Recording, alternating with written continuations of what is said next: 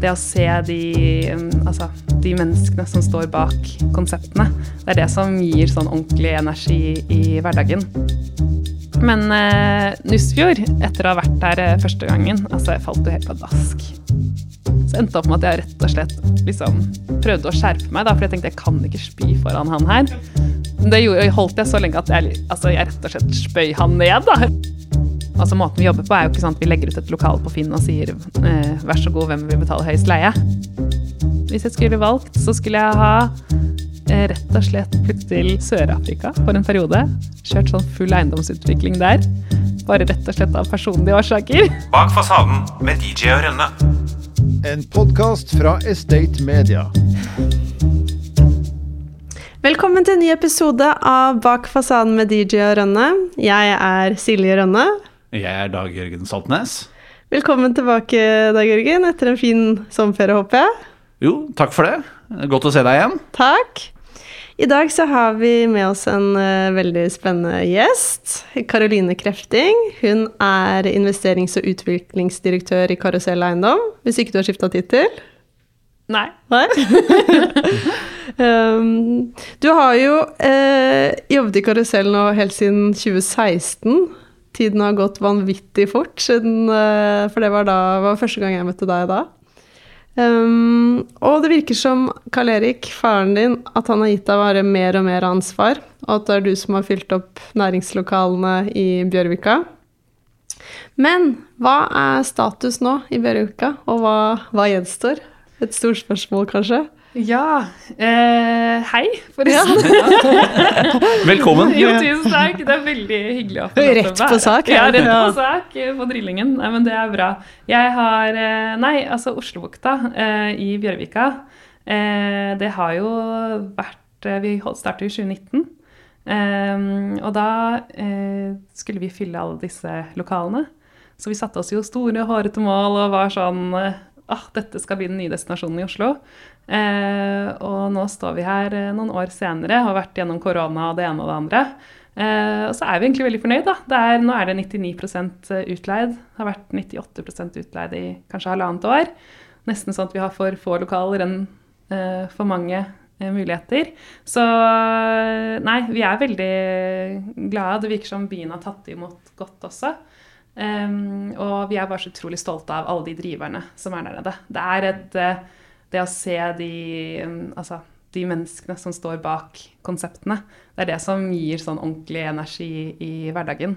Sånn skikkelig heldig. Har en sånn jobb hvor jeg får møte masse kule folk med forskjellig bakgrunn og store drømmer. Så får vi liksom lov til å drømme sammen dem, da. Hvem er de mest gøyale folka du får møte da? Åh, skal jeg komme med favorittene? Ja. Vi skjønner noen- at du liker alle sammen like godt, men eh, er det noen som syns er litt ekstra Ja, altså jeg, jeg, har jo, jeg har jo Det er jo noen jeg kanskje har mer kontakt med enn andre. Eh, men eh, jeg følger jo opp egentlig alle på forskjellig vis. Og det er jo selvfølgelig Hvis de gjør det bra, så gjør vi det bra. Men det går, eh, for mange så går det litt sånn utover et sånt økonomisk perspektiv. Det går sånn, det er sånn Jeg håper og ønsker ordentlig oppriktig at alle gjør det kjempebra. Jeg tenker ofte selv sånn Jeg syns jo det er litt sånn ukomfortabelt ja, å dele sånn Spotify-spillelister. Fordi jeg syns det er veldig personlig å Ja. dele. Altså, å herregud, hva syns Silje om denne spillelisten min og min musikksmak? sant? Men tenk på alle de som da åpner butikker og restauranter, som har lagt liksom virkelig hele sjelen sin i dette stedet, og så sier de dette er noe jeg står for, dette er noe jeg er stolt av. Og så åpner de det opp for alle. Eh, det er jo veldig personlig, eh, og jeg er bare sånn ja, innmari stolt og imponert over alt det de får til. Jeg, si, jeg kan si én kul ting, da, bare for å liksom, komme med én person. Det var jo eh, eh, da jeg signerte Altså, jeg møtte en mann som eh, hadde et ønske om å åpne en ny bar i Oslobukta. Eh, og han eh, sa eh, Han så meg dypt inn i øynene, så sa han Karoline, jeg kommer fra Kragerø, og jeg elsker vannet. Derfor så skal denne baren hete Hammerhai. I tillegg, hvis du ser meg dypt inn i øynene, så ser du at øynene mine er plassert litt langt fra hverandre. Og det er også Hammerhaien, så derfor så må denne baren hete Hammerhai. Og da var du solgt. Og da var jeg solgt! Det var ikke mer enn det som skulle til. Det hørtes jo veldig sånn romantisk ut. Jeg likte likt å være flue på veggen når du skal se han dypt inn i øynene. Nei, men det var, eh, da var det liksom stedet en Der har jeg aldri en- vært. Nei, hallo. Mm. Silje. Ja. Nei, Jeg, har vært mange andre steder. eh, For, for vår del så har eh, Bjørvika blitt en eh, destinasjon. Mm. Det, det er sånn Oi, hva skal vi gjøre i helgen? Så er det sånn En av de tingene som Mm. vi ofte gjør, er å ta en tur ned dit. Å, det er veldig hyggelig å høre. Mm. Nei, det er uh... Men en ting som jeg kom på, for jeg husker så, tilbake til hårete mål, da. Mm. Eh, og det var vel ikke nødvendigvis eh, du som snakket om det, men jeg tror i hvert fall eh, Karl Erik gjorde det. Mm. En båt. Eh, at jeg hadde en tanke om å ha en båt som skulle gå fra, fra Oslobukta Mm. til Aker Brygge. Ja. Ja, så vi jobber egentlig fortsatt litt med det, og det er allerede igangsatt. Det Det har er vært det. et par somre nå hvor eh, det har vært en elferge som har gått uh, imellom Mm. Er det sant? Ja, ja. Ja. Uh, så, og I tillegg så og jobber man nå for oss å få det ut til Nesodden og litt forskjellige steder. Så, og da er det elektrisk, fer elektrisk ferge, da. Brim, Brim heter det i selskapet. Er det litt sånn som denne i Fredrikstad? Det er vel en der som er kjempesuksess. Å ja, ja, det er Men det, det her har nok blitt sånn inntil videre nå, så har det blitt kanskje eh, også sånn turistopplevelse i tillegg til en faktisk ferge. Men, eh, Mm. men på sikt så er jo håpet det, da, at det skal bli sånn som den. Så Mm. Og- det Men nå funker det som det skal i Bjørvika. Ja, altså vi kan alltid jobbe mer, og det er alltid nye ting som skal skje der nede. Eh, men målet vårt var jo å, å, at eh, det skulle være kvalitet for alle. Og vi var veldig opptatt av at Gamlebyen og Grønland og de som bor i nærområdet, skulle ikke føle på denne høye muren fra Barcode, som, eh, som nok mange tenkte at eh, området var fra før av, at det ikke var for alle. Eh, så vi har prøvd og gjort virkelig vår innsats for å fylle lokalene med det som skal være tilgjengelig for alle, men at det likevel skal være god kvalitet.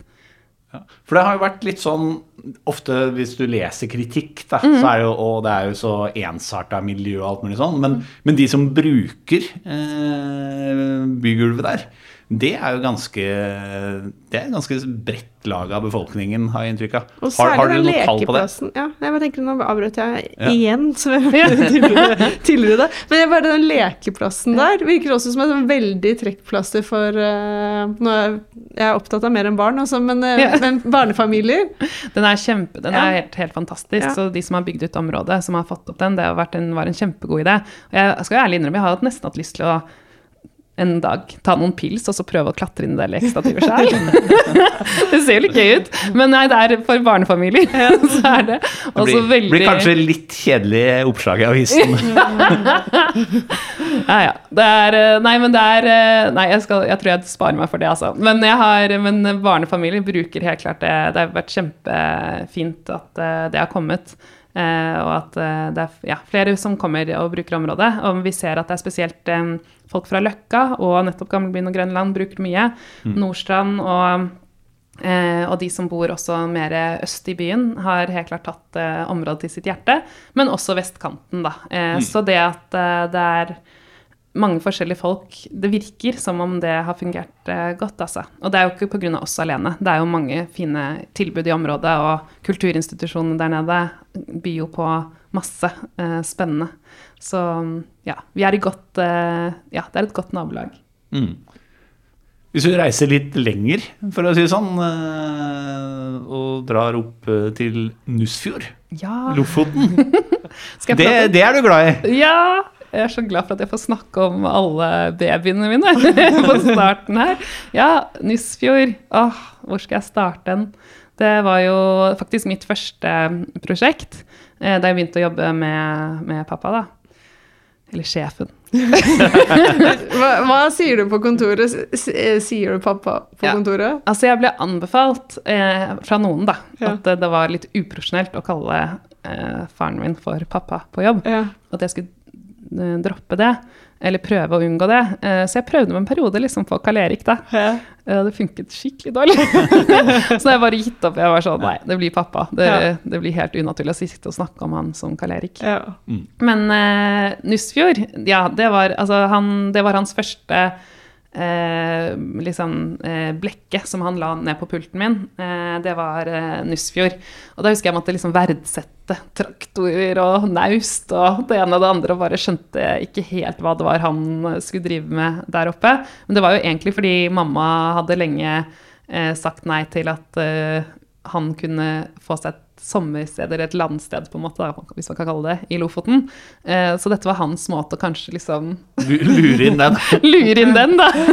At da fikk han seg et sted i Lofoten allikevel, fordi da ble det jo gjennom jobben. Eh, og, eh, men etter å ha vært der eh, første gangen, altså jeg falt jo helt pladask. Og jeg husker jeg la ut noen bilder på Instagram, og hvor eh, det var venner som spurte sånn Å, er du på New Zealand? Og sånn. Jeg bare Nei, jeg er i Norge, jeg er i Nussfjord. Og det som er det fineste, er egentlig menneskene der oppe, kulturen. Jeg har lært så mye om norsk historie. Det er jo altså fiske, altså fiskerne eh, som eh, levde for jo Eller lever jo fortsatt. Men altså de som var skikkelig barske da, før man fikk eh, alt av det utstyret man har i dag. Det er ikke mange år siden. Eh, og hvor røft de eh, levde der oppe. Eh, de som ikke hadde råd til å bo på rorbuene under fiske, som er januar, februar, mars måned, de måtte liksom snu båten og sove under rorbuene. Og så var det jo noen ganger man løftet den båten neste morgen, og så var det ikke lenger liv, da. Og liksom hvor brutalt og hardt det livet der oppe var, og at det er så tett på våre liv da, i periode. Det gjør at jeg har blitt litt, sånn, litt, mer, eh, ja, litt mer stolt av å være norsk, da, etter å ha blitt kjent med norsk, eh, eller ja, Norges fiskehistorie. Det burde vært mer av det enn det i skolegangen, egentlig. Eh, men eh, nei. Og så er det no nordnorsk humor. Altså, det er gøy. Juleborden i Nussfjord Du blir ikke fornærma? Nei! kan ikke det. Men jeg, jeg husker jo, for jeg var Nå kommer jeg på det. Men mm. For jeg var jo så heldig å få bli med til Nussfjord, og jeg skrev jo en reportasje for Estate. Men da For du var litt sånn fersk, for da visste ikke du var Var det skitt fiske? Ja! Ja! Så ja. du var jo helt byjente da du kom. Altså, ja, jeg tok jo og sa Ja, jeg skjønte jo ikke hvorfor de det sa skittfiske til meg og sånn. Jeg skjønte ingenting av det. I tillegg så husker jeg at første gangen jeg var ute eh, på, på fiske da, med han Bjørn Ivar, så tenkte jeg at nå skal jeg bevise, for jeg er jo båtvant. Det kan jeg faktisk. Altså, jeg har vært med i båt. Eh, og så kanskje ikke så mye fiskebåt, da, men likevel. Og så, bare, så klarte jeg, mens jeg stod og snakket med han Bjørn Ivar, så klarte jeg, kjente jeg at jeg begynte å bli litt sjøsyk. Ja. Litt dårlig. Det pleier jeg aldri å bli, men jeg bare kjente ok, dette er, dette er vel det man er når man er sjøsyk. Så endte det opp med at jeg rett og slett liksom prøvde å skjerpe meg, da, for jeg tenkte jeg kan ikke spy foran han her. Men det gjorde, holdt jeg så lenge at jeg, altså, jeg rett og slett spøy han ned, da, rett i fleisen og halvveis ut i rellingen. Så ja, jeg, det var ikke, jeg tror ikke de ble, veld- ble veldig imponert over meg på starten. Men du, Men, eh, jeg tror du eh, hva skal jeg si, tok det raskt igjen, for det, du var jo ekstremt involvert, og den kunnskapen du opparbeida deg på veldig kort tid der. Du, ja. Jeg syns i hvert fall det var et veldig spennende sted eh, å besøke. Ja, nei, vi føler jo på et formidlingsansvar, da. Mm. Så egentlig det vi gjør, er jo å bevare anlegget så, og prøve å bevare historien. Og så prøve å gi Både å gi folk muligheten til å bli kjent med historien, men også å selvfølgelig bevare den. Og ja, vi har veldig stor respekt for de som, for de som har den historien, da.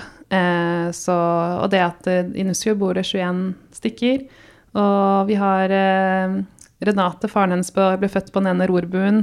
Hun jobber på hotellet. Moren hennes strikker gensere til, eh, til, eh, som vi selger på landhandelen. Og søsteren står på bakeriet og jobber der. Altså det er jo ja, kulturen der oppe. Det er, eh, ja, nei, det er veldig fint å få lov til å være en del av. Mm. Føler meg veldig heldig. Hvor mye har dere investert der? Det var et godt spørsmål. per kvadratmeter. Det er veldig stor tomt, da. Nei, du, det, vi har jo investert mye. Ja. Eh, så eh, det, vi har jo oppgradert alle rorbuene, så det var det første vi gjorde. Eh, det var jo veldig kaldt, og det var litt mer sånn Ja, en litt annen form for tankegang der før. Og man klarte det var ikke like mye som ble brukt til å bevare stedet. Så det har vi brukt mye tid på, da. I tillegg til at vi har prøvd å øke komforten, da. Så vi har sagt komfort møter autentiske opplevelser. Så du kan ligge i en kjempedeilig og varm og god og myk seng. Og så kan du titte opp på taket, som hvor vi da har, har um, fått frem de gamle tømmerveggene. Og så kan du se at de, de har der brukt de, Da brukte man jo det man hadde. Så det er liksom en gammel sånn sjøskute som er blitt brukt som treverk i, i taket. Eh, og ser gamle skjell og sånn som er da eh, på det. Så det er, det, er det, det er den kombinasjonen da som vi har jobbet veldig, veldig for. Men du er så glad i det stedet at du hadde bryllupet ditt der. Ja, det hadde jeg. det var veldig gøy. Da ble alle sjøsyke, da. Alle ble det. ja, det ble en litt turbulent reise. Men nei, det giftet meg der, faktisk. I Flakstad kirke. Eh, ja, det er ikke så veldig lenge siden så ble det kjent at dere ville lage en sånn veldedig stiftelse. Mm. Eh, at dere gir 300 millioner kroner. Mm. Hva skal den gjøre? Altså, vi har jo egentlig opp igjennom eh, gitt en del penger til forskjellige formål. Eh, og så tenkte vi at det var fint å eh, Hva skal jeg si eh, Binde selskapet litt til å gjøre dette i, i fremtiden, da. Eh, sånn at det blir også litt mer struktur på det. Sette av et fast beløp hvert år. At de pengene skal gå til, eh, til, eh, til gode Ja, gode både organisasjoner og ja, andre ting, da.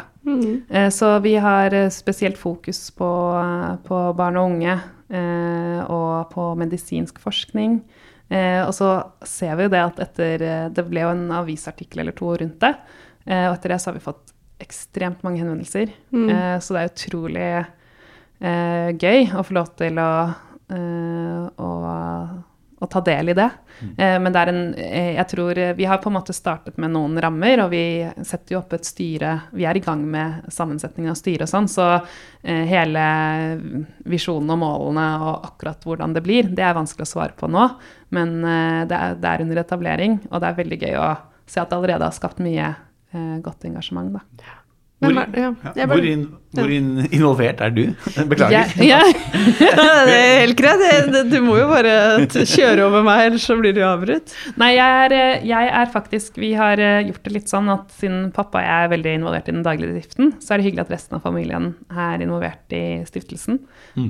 så i styret så sitter søsknene mine og min mor.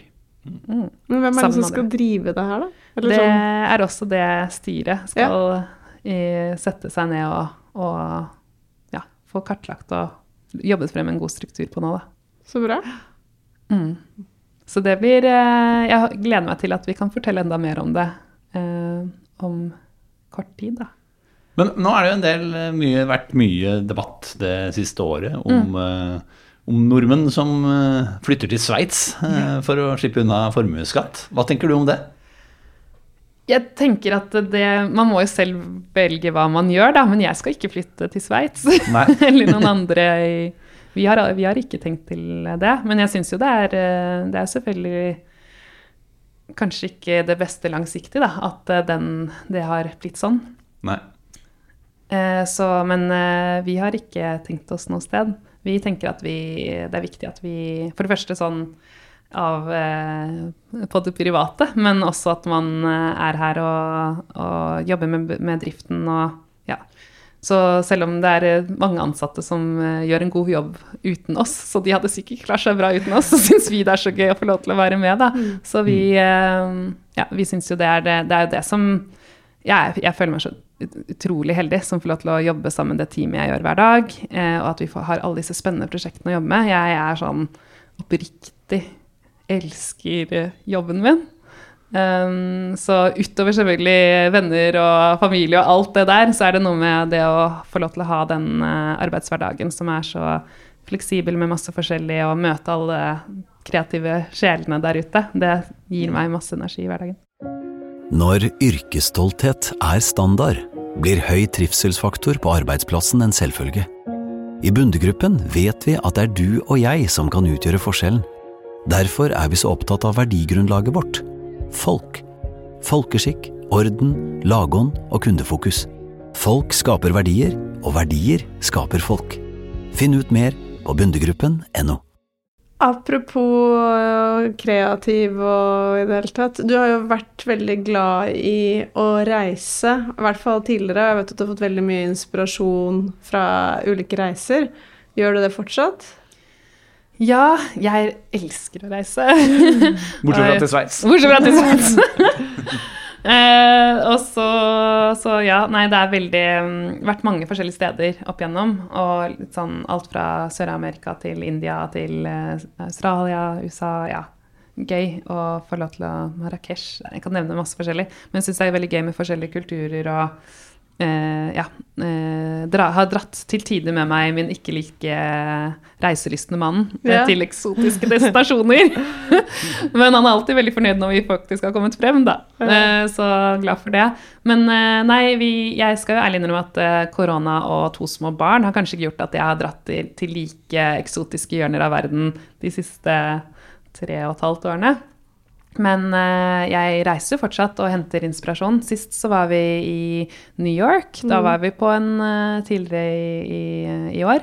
Og da var jeg på en eh, vegansk restaurant eh, som, eh, som var tidligere Michelin-restaurant, som heter Eleven, og som valgte å gå helt vegansk i, eh, for bare noen år siden. Og vi testet ut den, da. Og det var helt vanvittig matopplevelse. Eh, og veldig kult at noen tør å gjøre ting annerledes. Og nå ikke til sammenligning da, sånn sett direkte, men vi turte jo også i, altså i Oslobukta da vi valgte vi, vi, når vi tenkte på, altså Måten vi jobber på, er jo ikke sånn at vi legger ut et lokal på Finn og sier eh, vær så god, hvem vil betale høyest leie? Vi tenker hva er det som mangler i området, hva kan vi gjøre for å gjøre området enda mer spennende og interessant for folk å- som kommer og besøker? Eh, og da så vi at libanesisk var jo en trend i, i flere andre storbyer. Og det var nesten, det var jo noen libanesiske restauranter i Oslo, men ikke like mange.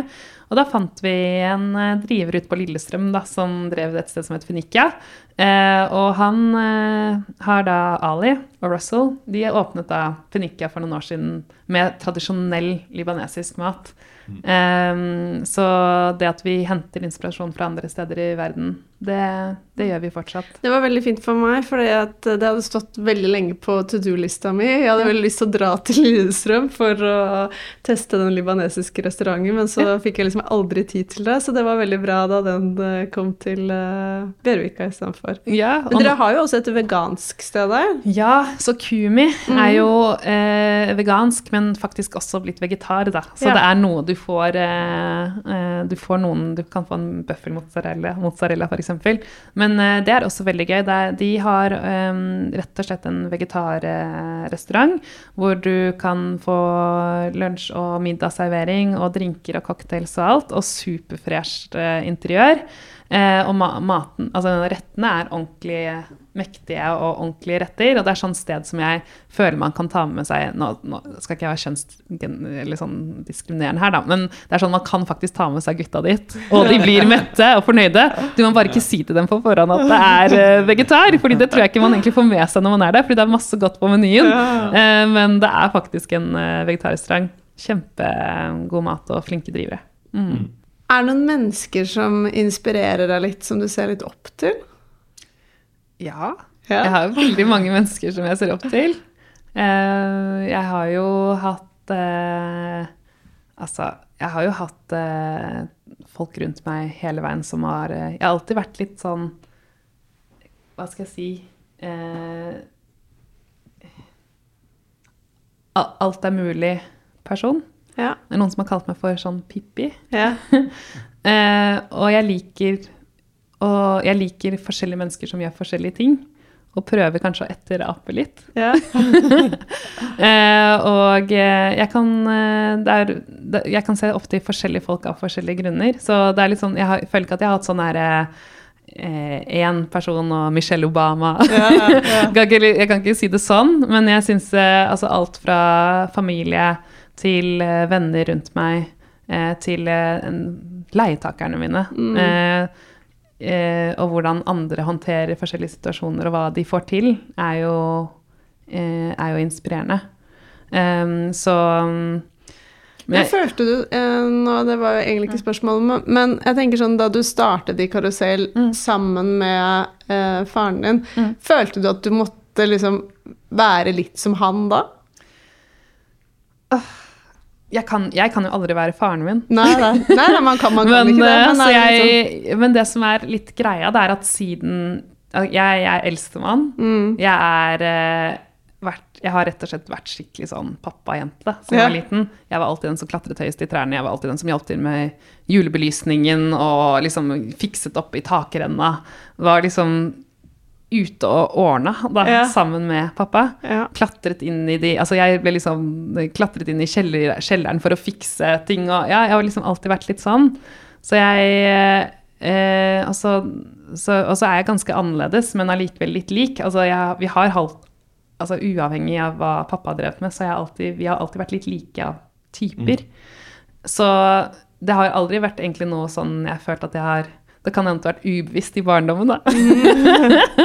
men uh, i voksen alder så føler jeg at vi er like, men samtidig veldig ulike, da. Uh, men jeg tror der vi kanskje er likest, det er at vi uh, har store drømmer, er positivt innstilt, og kanskje mm, tør å ta litt sjanser og ja. Men klar, klarer dere å ha et sånn tydelig skille mellom jobb og privat? da? Jeg vil si ja. Hvordan klarer dere det? hvis du spør moren min, så sier hun nei. nei. nei da. Vi er eh, Nei, skal jeg være helt ærlig, vi, det sklir jo um, ut i det private noen ganger også. Men eh, jeg syns så lenge de gangene man prater om ting positivt, så er det jo mer sånn gøy. Eh, men selvfølgelig hvis man har, bærer masse stress med hjem, det hadde jo ikke vært noe gøy. Så jeg syns vi har funnet en veldig fin balanse som bare har skjedd litt av seg selv. Ja, for jeg tenker sånn også, det var, en periode, var det ikke en periode Karl Erik var litt syk og sånne ting også? Var det sånn at, og da blir det jo kanskje naturlig at man bekymrer seg litt mer sånn Oi, nå må ikke du jobbe for mye, eller Ja. Ja. det kan hende. Ja. At uh, altså sånn Ja, man blir jo Man blir jo, tar jo liksom vare på hverandre, da, men jeg tenker det burde man jo egentlig uavhengig ja. om det er en familie eller ikke. Uh, så ja. Men hvordan oppfatta du eiendomsbransjen da du kom inn i den? Eh, Den, den var jo litt dan, altså Den er jo fortsatt det, men den kanskje enda litt mer mannsdominert da? Ja, altså jeg var jo ehm, Ja, altså det, helt klart. Jeg begynte jo da i 2016. Da, hadde jeg faktisk, da begynte jeg å jobbe i Karusell, men jeg hadde jobbet i Klepier med Sten og Strøm et par år før det også.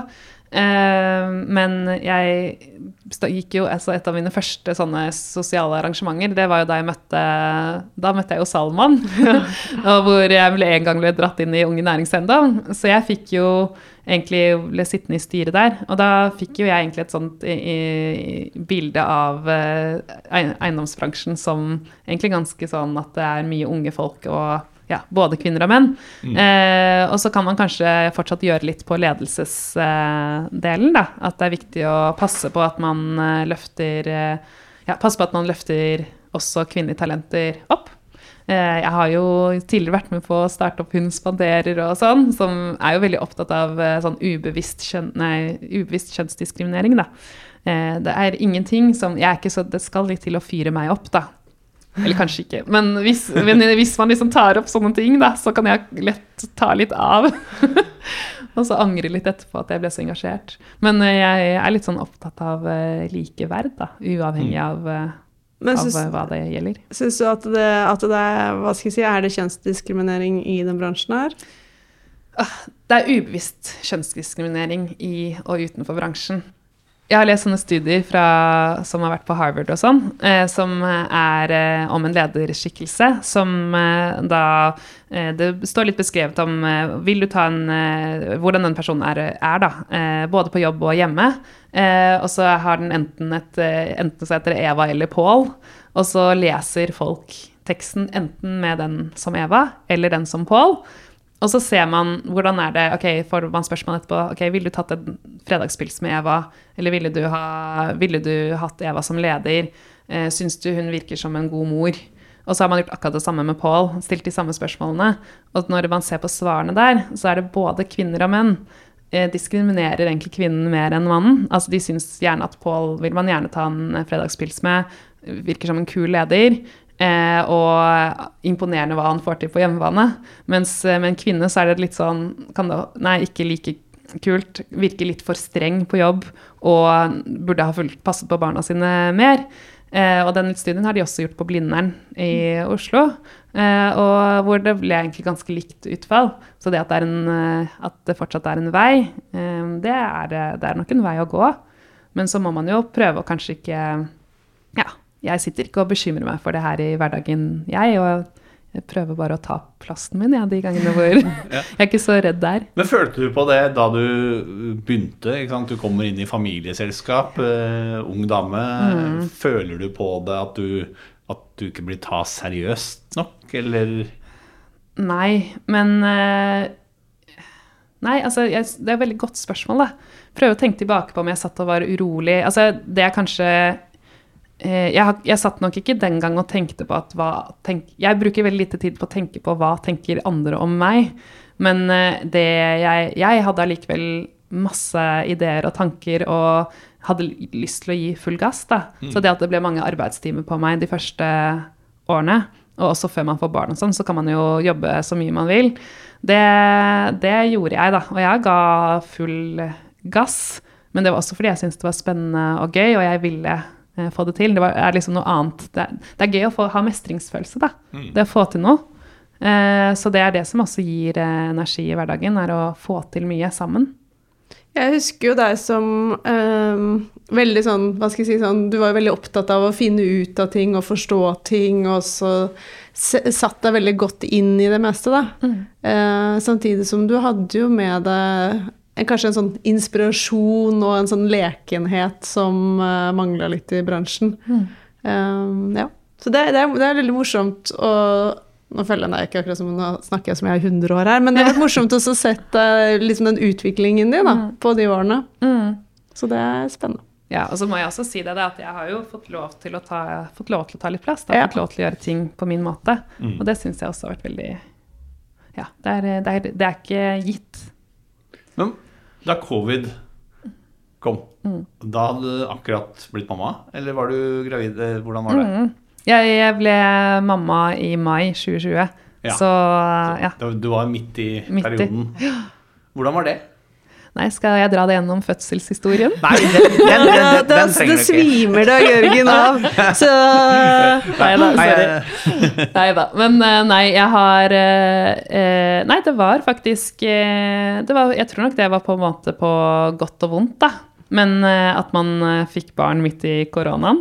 Eh, jeg kan eh, bruke masse tid på å snakke om barselomsorgen i den tiden og litt sånne ting, men det å få barn i at det er litt mer ro, det er ikke så mye sosialt. Altså, jeg har jo super eh, FOMO, mm. så det å skulle gå glipp av ting, da, det å slippe å ha det, og samtidig få barn, det var egentlig veldig greit. Men, men var det ro med tanke på leietakerne dine og litt Det var sånn? ikke ro, hvis du tenker på den delen, ja. det som skjedde, var faktisk at vi kjørte hjemmekontor hjemme hos oss, og så kom pappa og tok med matpakke, husker jeg, ned til oss hver dag, og så satt vi og hadde hjemmekontor eh, altså før jeg Altså i, det, i mars, det mars 2020 eh, kom, da. Eh, og da, det vi gjorde, var at vi var veldig i forkant. Vi, prøv, vi så før nedstengningen, så så vi nå Nå kommer by, det, nå ja. kommer det noe. Vi merket at restaurantdriverne var veldig urolige, og butikkdriverne. Vi sendte, vi har jo våre medeiere Madison i USA. Vi sendte og kontaktet dem og sendte dem mail, forklarte situasjonen. Fordi det kom jo senere til USA ikke sant, enn Norge og Europa. Eh, og så sa vi nå må vi eh, være tidlig ute og kommunisere til leietakerne at nå vi er her sammen med dere. Eh, dette skal vi løse. Eh, og vi sendte faktisk eh, Vi hadde egentlig alt klart flere dager før nedstengelsen. Så fikk vi ikke helt svar sånn De forsto det, men svaret kom samme dagen da, som eh, nedstengningen kom. Og da fikk vi med en gang sendt ut og sagt at dette står vi sammen i. Her, eh, her har vi noen tanker om hvordan vi kan løse det rent konkret. Eh, og har hele veien prøvd å jobbe for løsninger som Ja. Vi arbeider jo for at de skal uh, ha det best mulig da, i de situasjonene de står i. Men det har vært krevende. Det har vært krevende. Eh, og det har vært krevende også å, å se uh, bekymringen til For det er jo livsverkene deres. Det er det. Eh, og hva de har måttet tåle av og egentlig kanskje mest det usikkerhetsmomentet, når det første brutale var over med at det var korona. Eh, og hva, ja, hvordan håndterer vi dette her? Til det der med kan vi ansette folk om to uker eller to måneder eller ikke? Hvordan blir reglene neste nedstengning? Ja, kan vi kjøre på nå eller ikke? Og det å stå der eh, ved siden av, i hvert fall prøve å støtte så godt man kan, men egentlig se at dette er ikke lett å operere i. Nei, det har vært eh, jeg, jeg, er også, ja, jeg er imponert over at de alle har klart å komme gjennom dette her, altså Så i av- bransjen. Men leietakerne, var det noen som falt fra under Vet du hva, det var overraskende få. Hvis det var én ting det, som skjedde, var heller utsettelse på overtakelse hos oss, da. Ja. Ikke sant? Det var litt vanskelig for dem å åpne midt i pandemien. Ja. Så det så vi som det største resultatet, i hvert fall i Oslobukta. Hvis du skulle sagt sånn ett drømmeprosjekt Åh, Hvis du gud. kunne gjort hva du vil. Du får- ikke lov å si Nussfjord. Nei! Nei, Det må ikke være noe dere har gjort, men hvis du, liksom kunne, hvis du kan velge fra øverste hylle Altså, pappa tuller ofte med at han skal ta Slottet neste Ja. gang. jeg tror ikke det blir det. Um, vet du hva? Eh, jeg eh, syns jo da at eh, Nei, det her var et veldig spennende spørsmål. Kan jeg velge alt i hele verden, liksom? Eller jeg går jo for, Oslo. ja, du kan velge, alt- eh, du kan velge alt i hele verden. Det er, det er lov. Jeg føler at det burde komme et veldig bra svar. Jeg har eh, lenge tenkt at eh, altså hvis jeg, skulle, va- ok, hvis jeg skulle valgt, så skulle jeg ha eh, rett og slett eh, Ikke fordi jeg ville flytte til Sveits, men jeg ville nok heller flytte til, til eh, Sør-Afrika for en periode. Kjørt sånn full eiendomsutvikling der. Bare rett og slett av personlige årsaker. Kunne godt bodd der en periode. Eh, Men hvis du ser rent på sånn eiendomsbransjen, så føler jeg at eh, Og i Oslo, så føler jeg at det er noen områder man kanskje kunne blåst litt liv i. Og nå har vi jo eh, Grünerløkka har vi jo nylig kjøpt en ny bolig, eller ny portefølje i. Og der er det jo eh, Grünerløkka er jo kjempebra, hatt, eh, har jo hatt en vill utvikling. Men vi ser også at man kan blåse litt uh, nytt liv i det også. For Så det ikke å er forfalle litt der nå? Jeg syns Ja. ikke Grünerløkka er like kult som det var en periode. Nei, og det er, det er, jeg vet ikke om jeg vil ja, jeg, jeg skal ikke si at det er like, ikke, er like kult, men det er, det er i hvert fall rom for en eh, fornyelse, da. Eh, og det å få lov til å være med på, på det, og være med på å løfte Grünerløkka videre Så Grünerløkka er det neste satsingsområdet. Ja, der har vi Og det er bolig også, da. Så det å løfte boligsatsingen vår, det har også vært uh, Ja, for dere fikk med Madison, som dere har gjort flere ting med, jeg håper å si, to ganger før. Mm. Eh, Dere fikk med dem på den Karusell Living-satsingen, som er boligsatsing. Riktig.